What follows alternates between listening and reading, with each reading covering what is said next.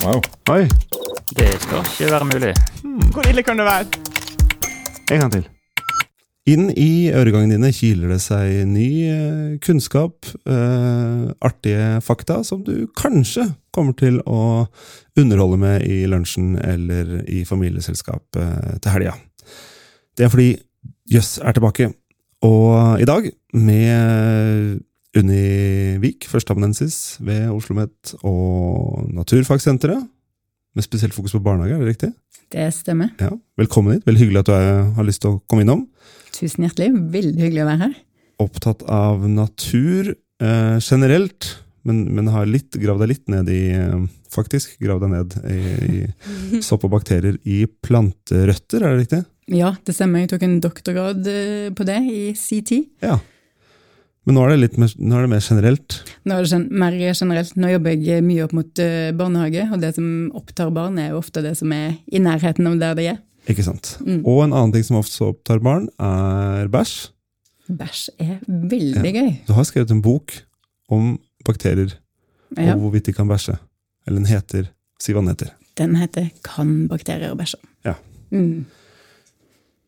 Det lurer jo alle på da, når de har hørt den tittelen. Men da får du vil lese boka. Ja, det, det er en cliffhanger. Ja, en cliffhanger. Mhm. Det sitter en eh, stemme til inni øregangen eh, din, og det er eh, Ragnhild Holmås. Forfatter, statsviter, Russland-viter, men i det siste først og fremst forfatter. Har skrevet Ordenes hårreisende hemmeligheter, som har vunnet Bragepris og greier. Åh, glad du fikk det med. Ja. Ja, Sniker inn alltid. Jeg må alltid få det med. Eh, og eh, ja, den selger jo masse òg, gjetter jeg på. Ja, altså Folk eh, er veldig opptatt av alle disse underlige hemmelighetene som gjemmer seg i språket. I språket. Så, men er det riktig at det er en litt sånn eh, U-turn fra statsviterutdanninga? ja, ja, definitivt. Det var ikke meningen at jeg skulle ende med å skrive om at uh, avokado betyr testikkel.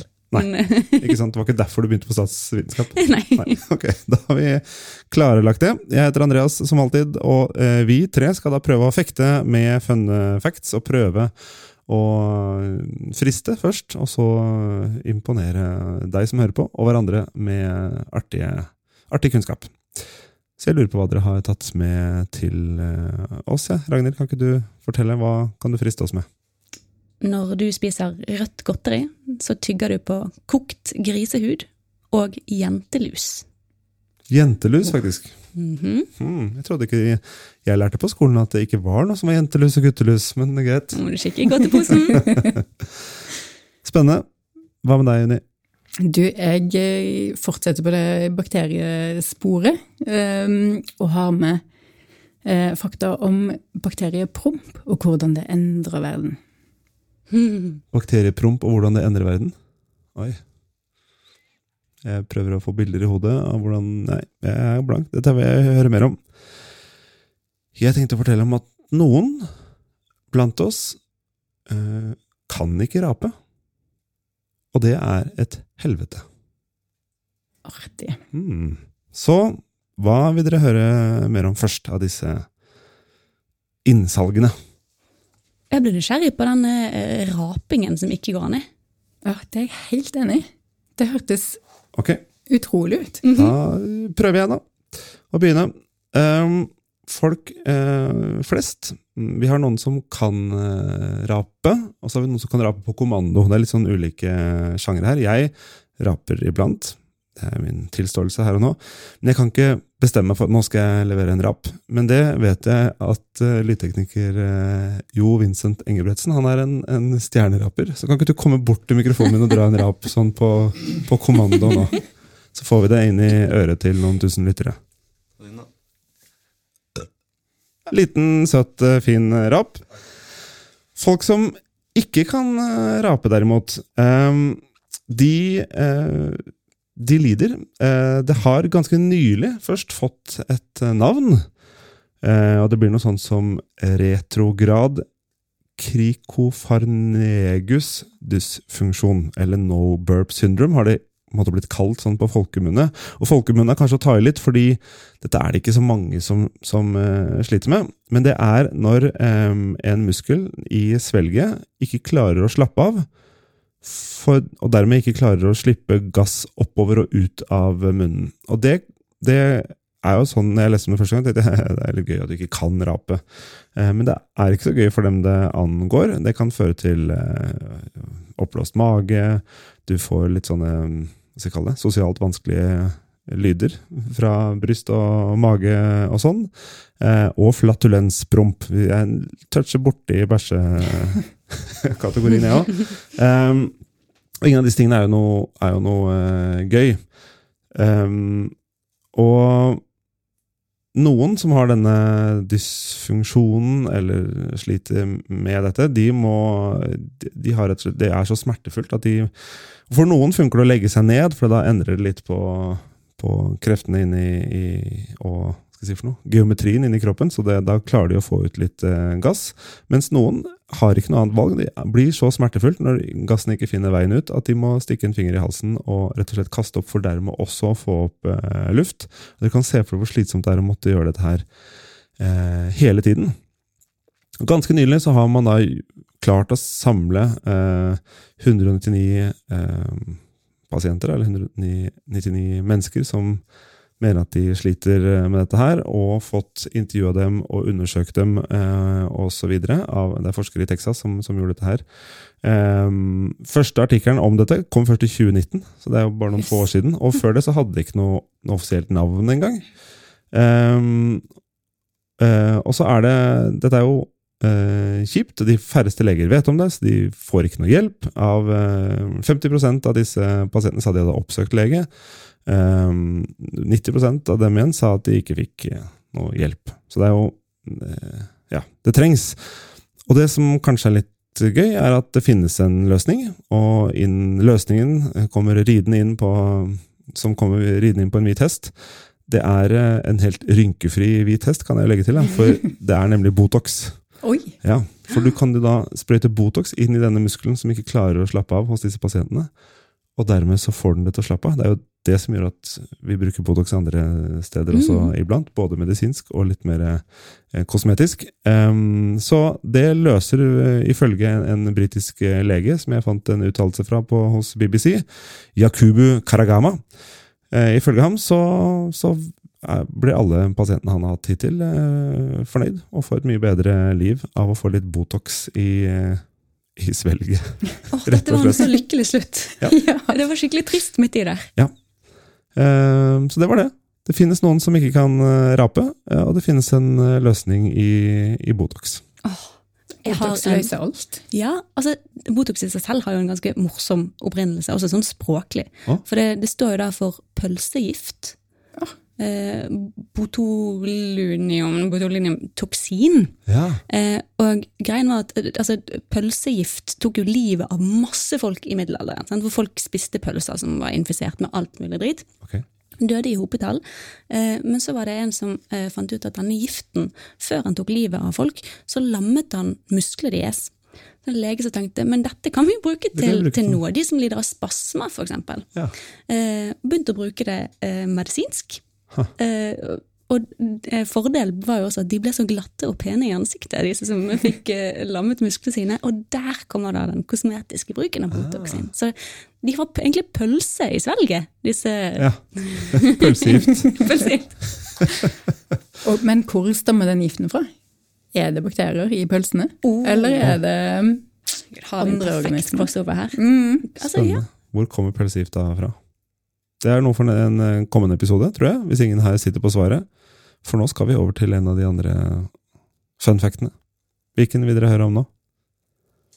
Jeg syns kanskje vi kan gå over til Unisin. Var ikke det en ganske fin uh, Segway inn i bakteriepromp? Litt promp over i Litt bæsj. Ja, mm. promp og bæsj. Det er Ja, jeg skal snakke om hvordan bakteriepromp endrer livet på jorda, sånn som jeg kjenner det. Og vi skal superlangt eh, tilbake i tid. Mm ca. 2,7 milliarder år. Da oppsto Ja, det er en stund. det er veldig langt tilbake, nesten så langt tilbake som eh, livet på jorda fontes. Og da oppsto ei gruppe bakterier som kalles cyanobakterier, som vi fortsatt eh, har i dag. Og de starta med eh, fotosyntese. Og fotosyntese har vi jo òg i dag, og det er cyanobakterier bedriver det, planter bedriver det, og alger bedriver det. Men før dette her, så var det ingen fotosyntese på jorda. Så hva lever livet av før fotosyntesen? Da lager de energi fra eh, Eller de finner energi i, fra andre eh, plasser, fra, fra kjemiske substanser. Men så oppstår fotosyntesen, og etter hvert eh, Altså et biprodukt av fotosyntesen er oksygen. Ja. Og dette her siver ut i vannet, eller i sjøen, mm. og så etter hvert opp i atmosfæren. Og dette her kalles rundt 2,4 eh, milliarder år siden, så fikk han liksom et kjempeboost av oksygen i atmosfæren. Um, som gjorde at nesten alt annet liv på jorda døde på den tida, for de tåler ikke oksygen. Det er kjempereaktivt. Og den kalles eh, På norsk så kalles denne eh, episoden 'Den store oksygenkatastrofen'. Eller den kalles òg eh, 'Den store oksidasjonshendelsen'. Og det er litt sånn språklig forskjellig hvordan en kaller det etter hva som en fokuserer på. Um, ja, tenk, I dag tenker vi ofte at oksygen er noe positivt, noe bra, noe nødvendig, noe vi trenger. Ja, og, og, jeg tenker jo egentlig, eller Grunnen til at jeg sperra på øynene, er fordi jeg, jeg, jeg tenker at, uh, at, atmosfæren vår har vært der lenge, og den har alltid vært bestått av omtrent det samme. liksom. Men det var ikke så mye oksygen før Nei, dette. det var ingenting. Det var null prosent oksygen i ja. atmosfæren. Uh, og den steg jo ikke kjempemye. Nå har vi ca. 21% oksygen. Den steg til ca mellom 1 og 2% Så veldig lite, men nok til å drepe utrolig mye. Det er den første masseutryddelseshendelsen vi har på jorda. Eh, men samtidig så er det jo òg opphavet til alt annet liv som vi kjenner i dag. Som multicellulære organismer eh, og sånt. Så om en velger å kalle det en katastrofe eller en uh, hendelse, beror kanskje på hva en ser på. Om det er eller starten som, på resten? Ja, starten på resten, eller uh, utdøinga av de fleste som fantes på den tida. Det er sprøtt. Fascinerende. De som, det, som, det, livet som døde ut da pga. oksygenet, hva slags liv snakker vi om da? Eller hva slags det, jo, det, var jo Det livet som fantes på den tida, var bare encella organismer, bakterier, arkebakterier. Ja. Eh, type. Men de tålte dårlig 1-2 oksygen? Ja, det var litt for mye for dem. Ekstremt dårlig, ja. ja. Pinglete bakterier ja. som ikke tålte 1-2 ja, ja, oksygen. Men altså, bra for oss. Tenk hva livet vi kunne ha fått. Og tenk liksom, Det er så tilfeldig, alt som har eh, skjedd i livets historie, som gjør at vi sitter her i dag. Hva er dødelig dose oksygen for et menneske, vet du det? Jeg aner ikke, jeg ser på deg. Nei, ja, jeg tror ikke dødelig. Du har jo ikke godt av den altså, Du får jo av og til rent oksygen hvis du er eh, Hva heter det? Hvis du har jeg husker ikke begrepet. Medisinske begrepet. Mm. mm. Det jeg vet, fordi jeg har en mor som forsker på det, er at, eh, er at vi i mange år har gitt for tidlig fødte barn bitte små nurk rent oksygen for å prøve å redde dem, hjelpe dem. Helt til noen da stoppa opp og begynte å forske på er, vi andre puster jo ikke rent oksygen, er det faktisk det beste? Ja. Og fant ut at nei, det er ikke det beste. og da er det fine med medisin og vitenskap og sånn, er at de, da snur jo folk da, og gjør det på en annen måte, vel vitende om at du kanskje ikke har gjort det optimale, og kanskje noen ikke har overlevd fordi vi ga dem rent oksygen, men det var det beste vi visste på den, på den tida. De gir dem en høyere konsentrasjon, da. jeg husker ikke om det er 40 eller 60% eller noe, som er liksom funnet ut at det er det beste til disse altfor tidlig fødte barna. Men denne, denne oksygenmasken som man eh, eventuelt får på flyet, det er ja. altså ikke ren oksygen, det er heller surstoff iblandet oksygen, kanskje? Jeg er usikker. Spør jeg det til vanskelig her? Men vi kan, vil ikke ha masseutryddelse pga. ren oksygen. I fly. Jeg vil gjette på at det er niks. Dette må vi komme til bunns i. Ja. Samme med i, hvis en dykker på veldig dype dybder. Eh, når en får Nitrox istedenfor. Hvor mye hva består det nå? Ja, hvor mye er det? Fulle av spørsmål som vanlig, mm. men vi, eh, formatet her sier at vi, eh, vi må videre. Og det er Ragnhild som står igjen. Fortell. Mm -hmm. Ja. Altså, når dere spiser eh, rødt godteri, eller gelé, eller rød saft, så tygger dere altså på kokt grisehud og jentelus. Eh, Jeg skriver jo bøker om språk, og det var egentlig språket som var utgangspunktet her. Eh, Jeg skulle finne ut av hva ordene egentlig eh, betyr, så eh, jeg undersøkte ordet bug, som jo kan bety både insekt eh, og datavirus, for jeg lurte på hvordan det hadde seg at et datavirus er oppkalt Ja, etter et insekt. Bug, ja. Ja. Og en tyggis da jeg var liten, som het bugg. Ja. Litt smal. Det var annet. Et annet ord. Ja. Eh, Og det viste seg at den første databuggen faktisk var et helt fysisk insekt. Eh, Det var en møll.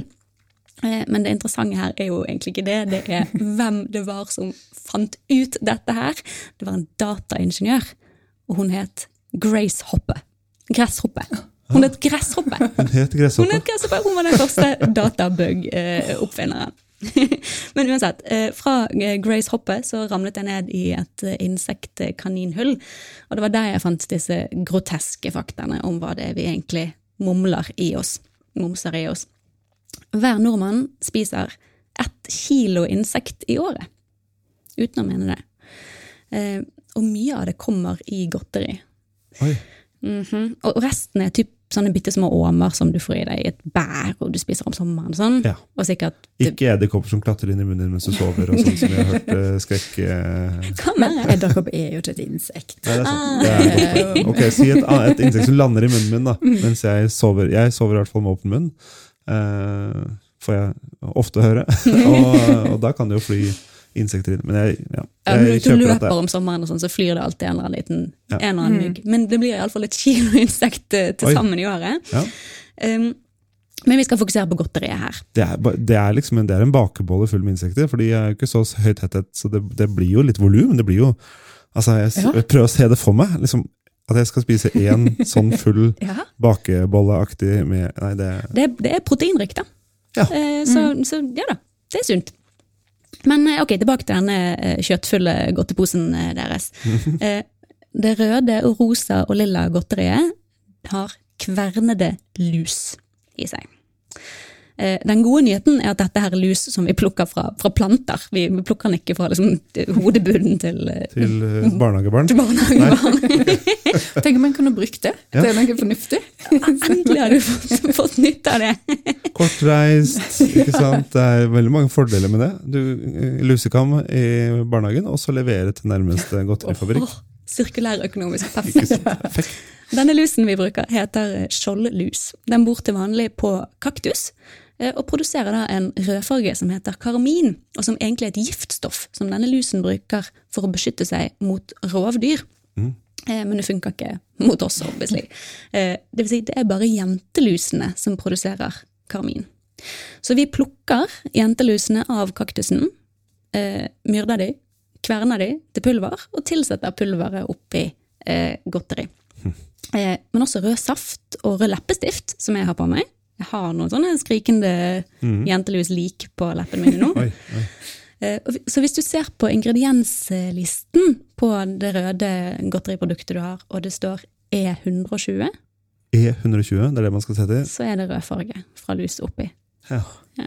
Og det er det i typ sånn Haribo og, Betyr det da også at vegansk godteri ikke det er En ting at det ikke inneholder gelatin, men det inneholder da kanskje også ikke dette røde pulveret fordi det kommer fra lus? Mm, Mulig, jeg skal ikke si det for sikkert, men eh, det teller. Ja, Vi får, jo et nikk fra Vincent der borte. Ja. Mm. Yes. Ja, men jeg er glad du nevnte det med gelatin. For det eh, Å nei, jeg kommer til å bli saksøkt av Haribo for dette her. eh, altså, det er jo gris oppi samme godtepose som disse røde, døde lusene. Eh, vingummi er laget av gelatin, som du sier. Eh, og dette oppdaget jeg da jeg gravde i ordet gelé. Eh, og det betyr å fryse og stivne. Og det er fra samme ord som gelatin Ja. som jo er noe som stivner. Um, og fra italiensk is, gelato, som jo Mm. fryser. Mm. Og gelatin er jo det som trengs for at godteriet skal bli seigt, og for at geleen og puddingen skal disse og skjelve og sånn. Og gelatin lager vi da av kokt hud og, knokler og sener fra eh, stort sett gris, men også hest, for eksempel. Vi er ikke så nøye på det. Og i Store norske leksikon så kaller de dette veldig pent for hydrolyse av kollagen fra dyr. Som jeg syns er en veldig fin måte å si vi, kverner-. Ja, vi kver- vi kverner det til det blir en hvit, limaktig gugge på. Oh, Gud. Og denne guggen er jo da Den den er smakløs, og den er fargeløs. Eh, og det er jo der de stakkars små gråtende jentelusene kommer inn, sånn at vi får blodrød jordbærgelé. Men jeg syns ikke dette skal ødelegge eh, lørdagskosen deres, eh, for dere kan utnytte dette her. For altså, hvis smågodt er fullstappet med både gris og lus, så er det jo så proteinrikt. Og det er en veldig viktig næringskilde, så her syns jeg det bare er å be om dobbel porsjon. Ikke sant? Veldig vi skal, vi skal godt poeng. dytte i oss uh, ja. Du hørte det her først. ja. Og jeg gleder meg allerede til lørdag. jeg. Og jeg skal bruke det argumentet. Kan vi ikke kjøpe noe død jentelus, eh, pappa? Vi har litt tid. Nei, jeg tror vi heller går for noe fargeløst uh, griseoppkok. Njom, njom, njom. Altså i, i USA så har eh, FDA, som er da Food and hva da, Drinks, Drug- drug. Drugs, drugs ja. Administration, ja. De har funnet ut at 60 biter insekt er greit per 100 gram sjokolade. Vi har en skål med sjokolade gram? foran oss nå. Unnskyld, 60 biter 60 sjokolade. bit- Unnskyld. ja. Eh, 60 biter insekt. Eh, så eh, det er ganske mye. Regnet på det. 60 parts insect. Ja. eh, og vi nordmenn, vi Og det er, ikke, det er ikke planlagt, ikke sant? Det er ikke for å få farge eller få konsistens. Det er, det er, de tillater litt forurensning av sjokoladen. Ja. Fordi du kverner opp bønner, og så tenker jeg ja, hvis det blir med litt insekter, det går bra. Ja, fordi sjokoladebønn blir uansett pollinert av insekter, så det er umulig å bli helt insektfri der. da. Ja. Så, men det kommer jo en del sånne små da, Jeg ser for meg de øyevippene på, på fluen og sånn. Jeg skal ta meg en sjokoladebit og tenke på Ja, ja, gjør det, Andreas. Fordi nordmenn spiser ni kilo sjokolade i året i snitt. Og jeg har regnet ut at eh, det blir da 5400 biter, i så fall. Med knasende bein og øyne og vinger. Deilig. Er det liksom Det er kanskje ikke en god idé å ta sjokoladen under et mikroskop eh, før du spiser? Spørs hva du oppnår. Spørs hva du vil oppnå. Vet ikke om det ble økt uh, appetitt av det. Hva syns du nå som du tok deg en bit? Nei, den eh, hadde en litt uh, bismak. Ikke av faktisk insekter, men tanken på at det kanskje knaste litt. Jeg syns jo det er gøy å teste og spise litt insekter og melorm og, og, og sånt, og utforske ny, ny mat. Men, uh, men jeg tenker ikke over at, det, at jeg allerede gjør det. Er det ikke det som er framtida? Å spise mer eh, insekt? Absolutt. Jeg tror, eh, jeg tror det kommer. Jeg har prøvd sånn mjølbilleormchips. mjølbilleorm-chips. Mhm. Kjempegodt. Smak, jeg smaker Hadde ikke kjempe... utseendet med seg, da. Nå leste jeg de bygger en stor eh, fabrikk på ja, nordvest eh, Mørekysten, er det kanskje. Eh, som, og da er det først til dyrefòr, til fisk spesielt. da. For ikke importere eh, soya fra utlandet, men heller kunne fôre dem eh, med det. Men eh, de sier det er helt, vi er helt, de er helt klare for å lage menneskemat, det er bare at vi mennesker ikke er så klare. Det Det er er ikke noe marked. Var det de samme uh, som ble fôret med Grandiosa og øl? Kjempegøy. At det, ja. Så de har lørdagskveld hver dag. Mm. Men det ligger strategisk til i nærheten av Grandiosa-fabrikken og, og bryggerier, og kan få restene da, derfra. Istedenfor at det kastes. Oh, nydelig. Ja. Men har de noe, kan de få noen farge?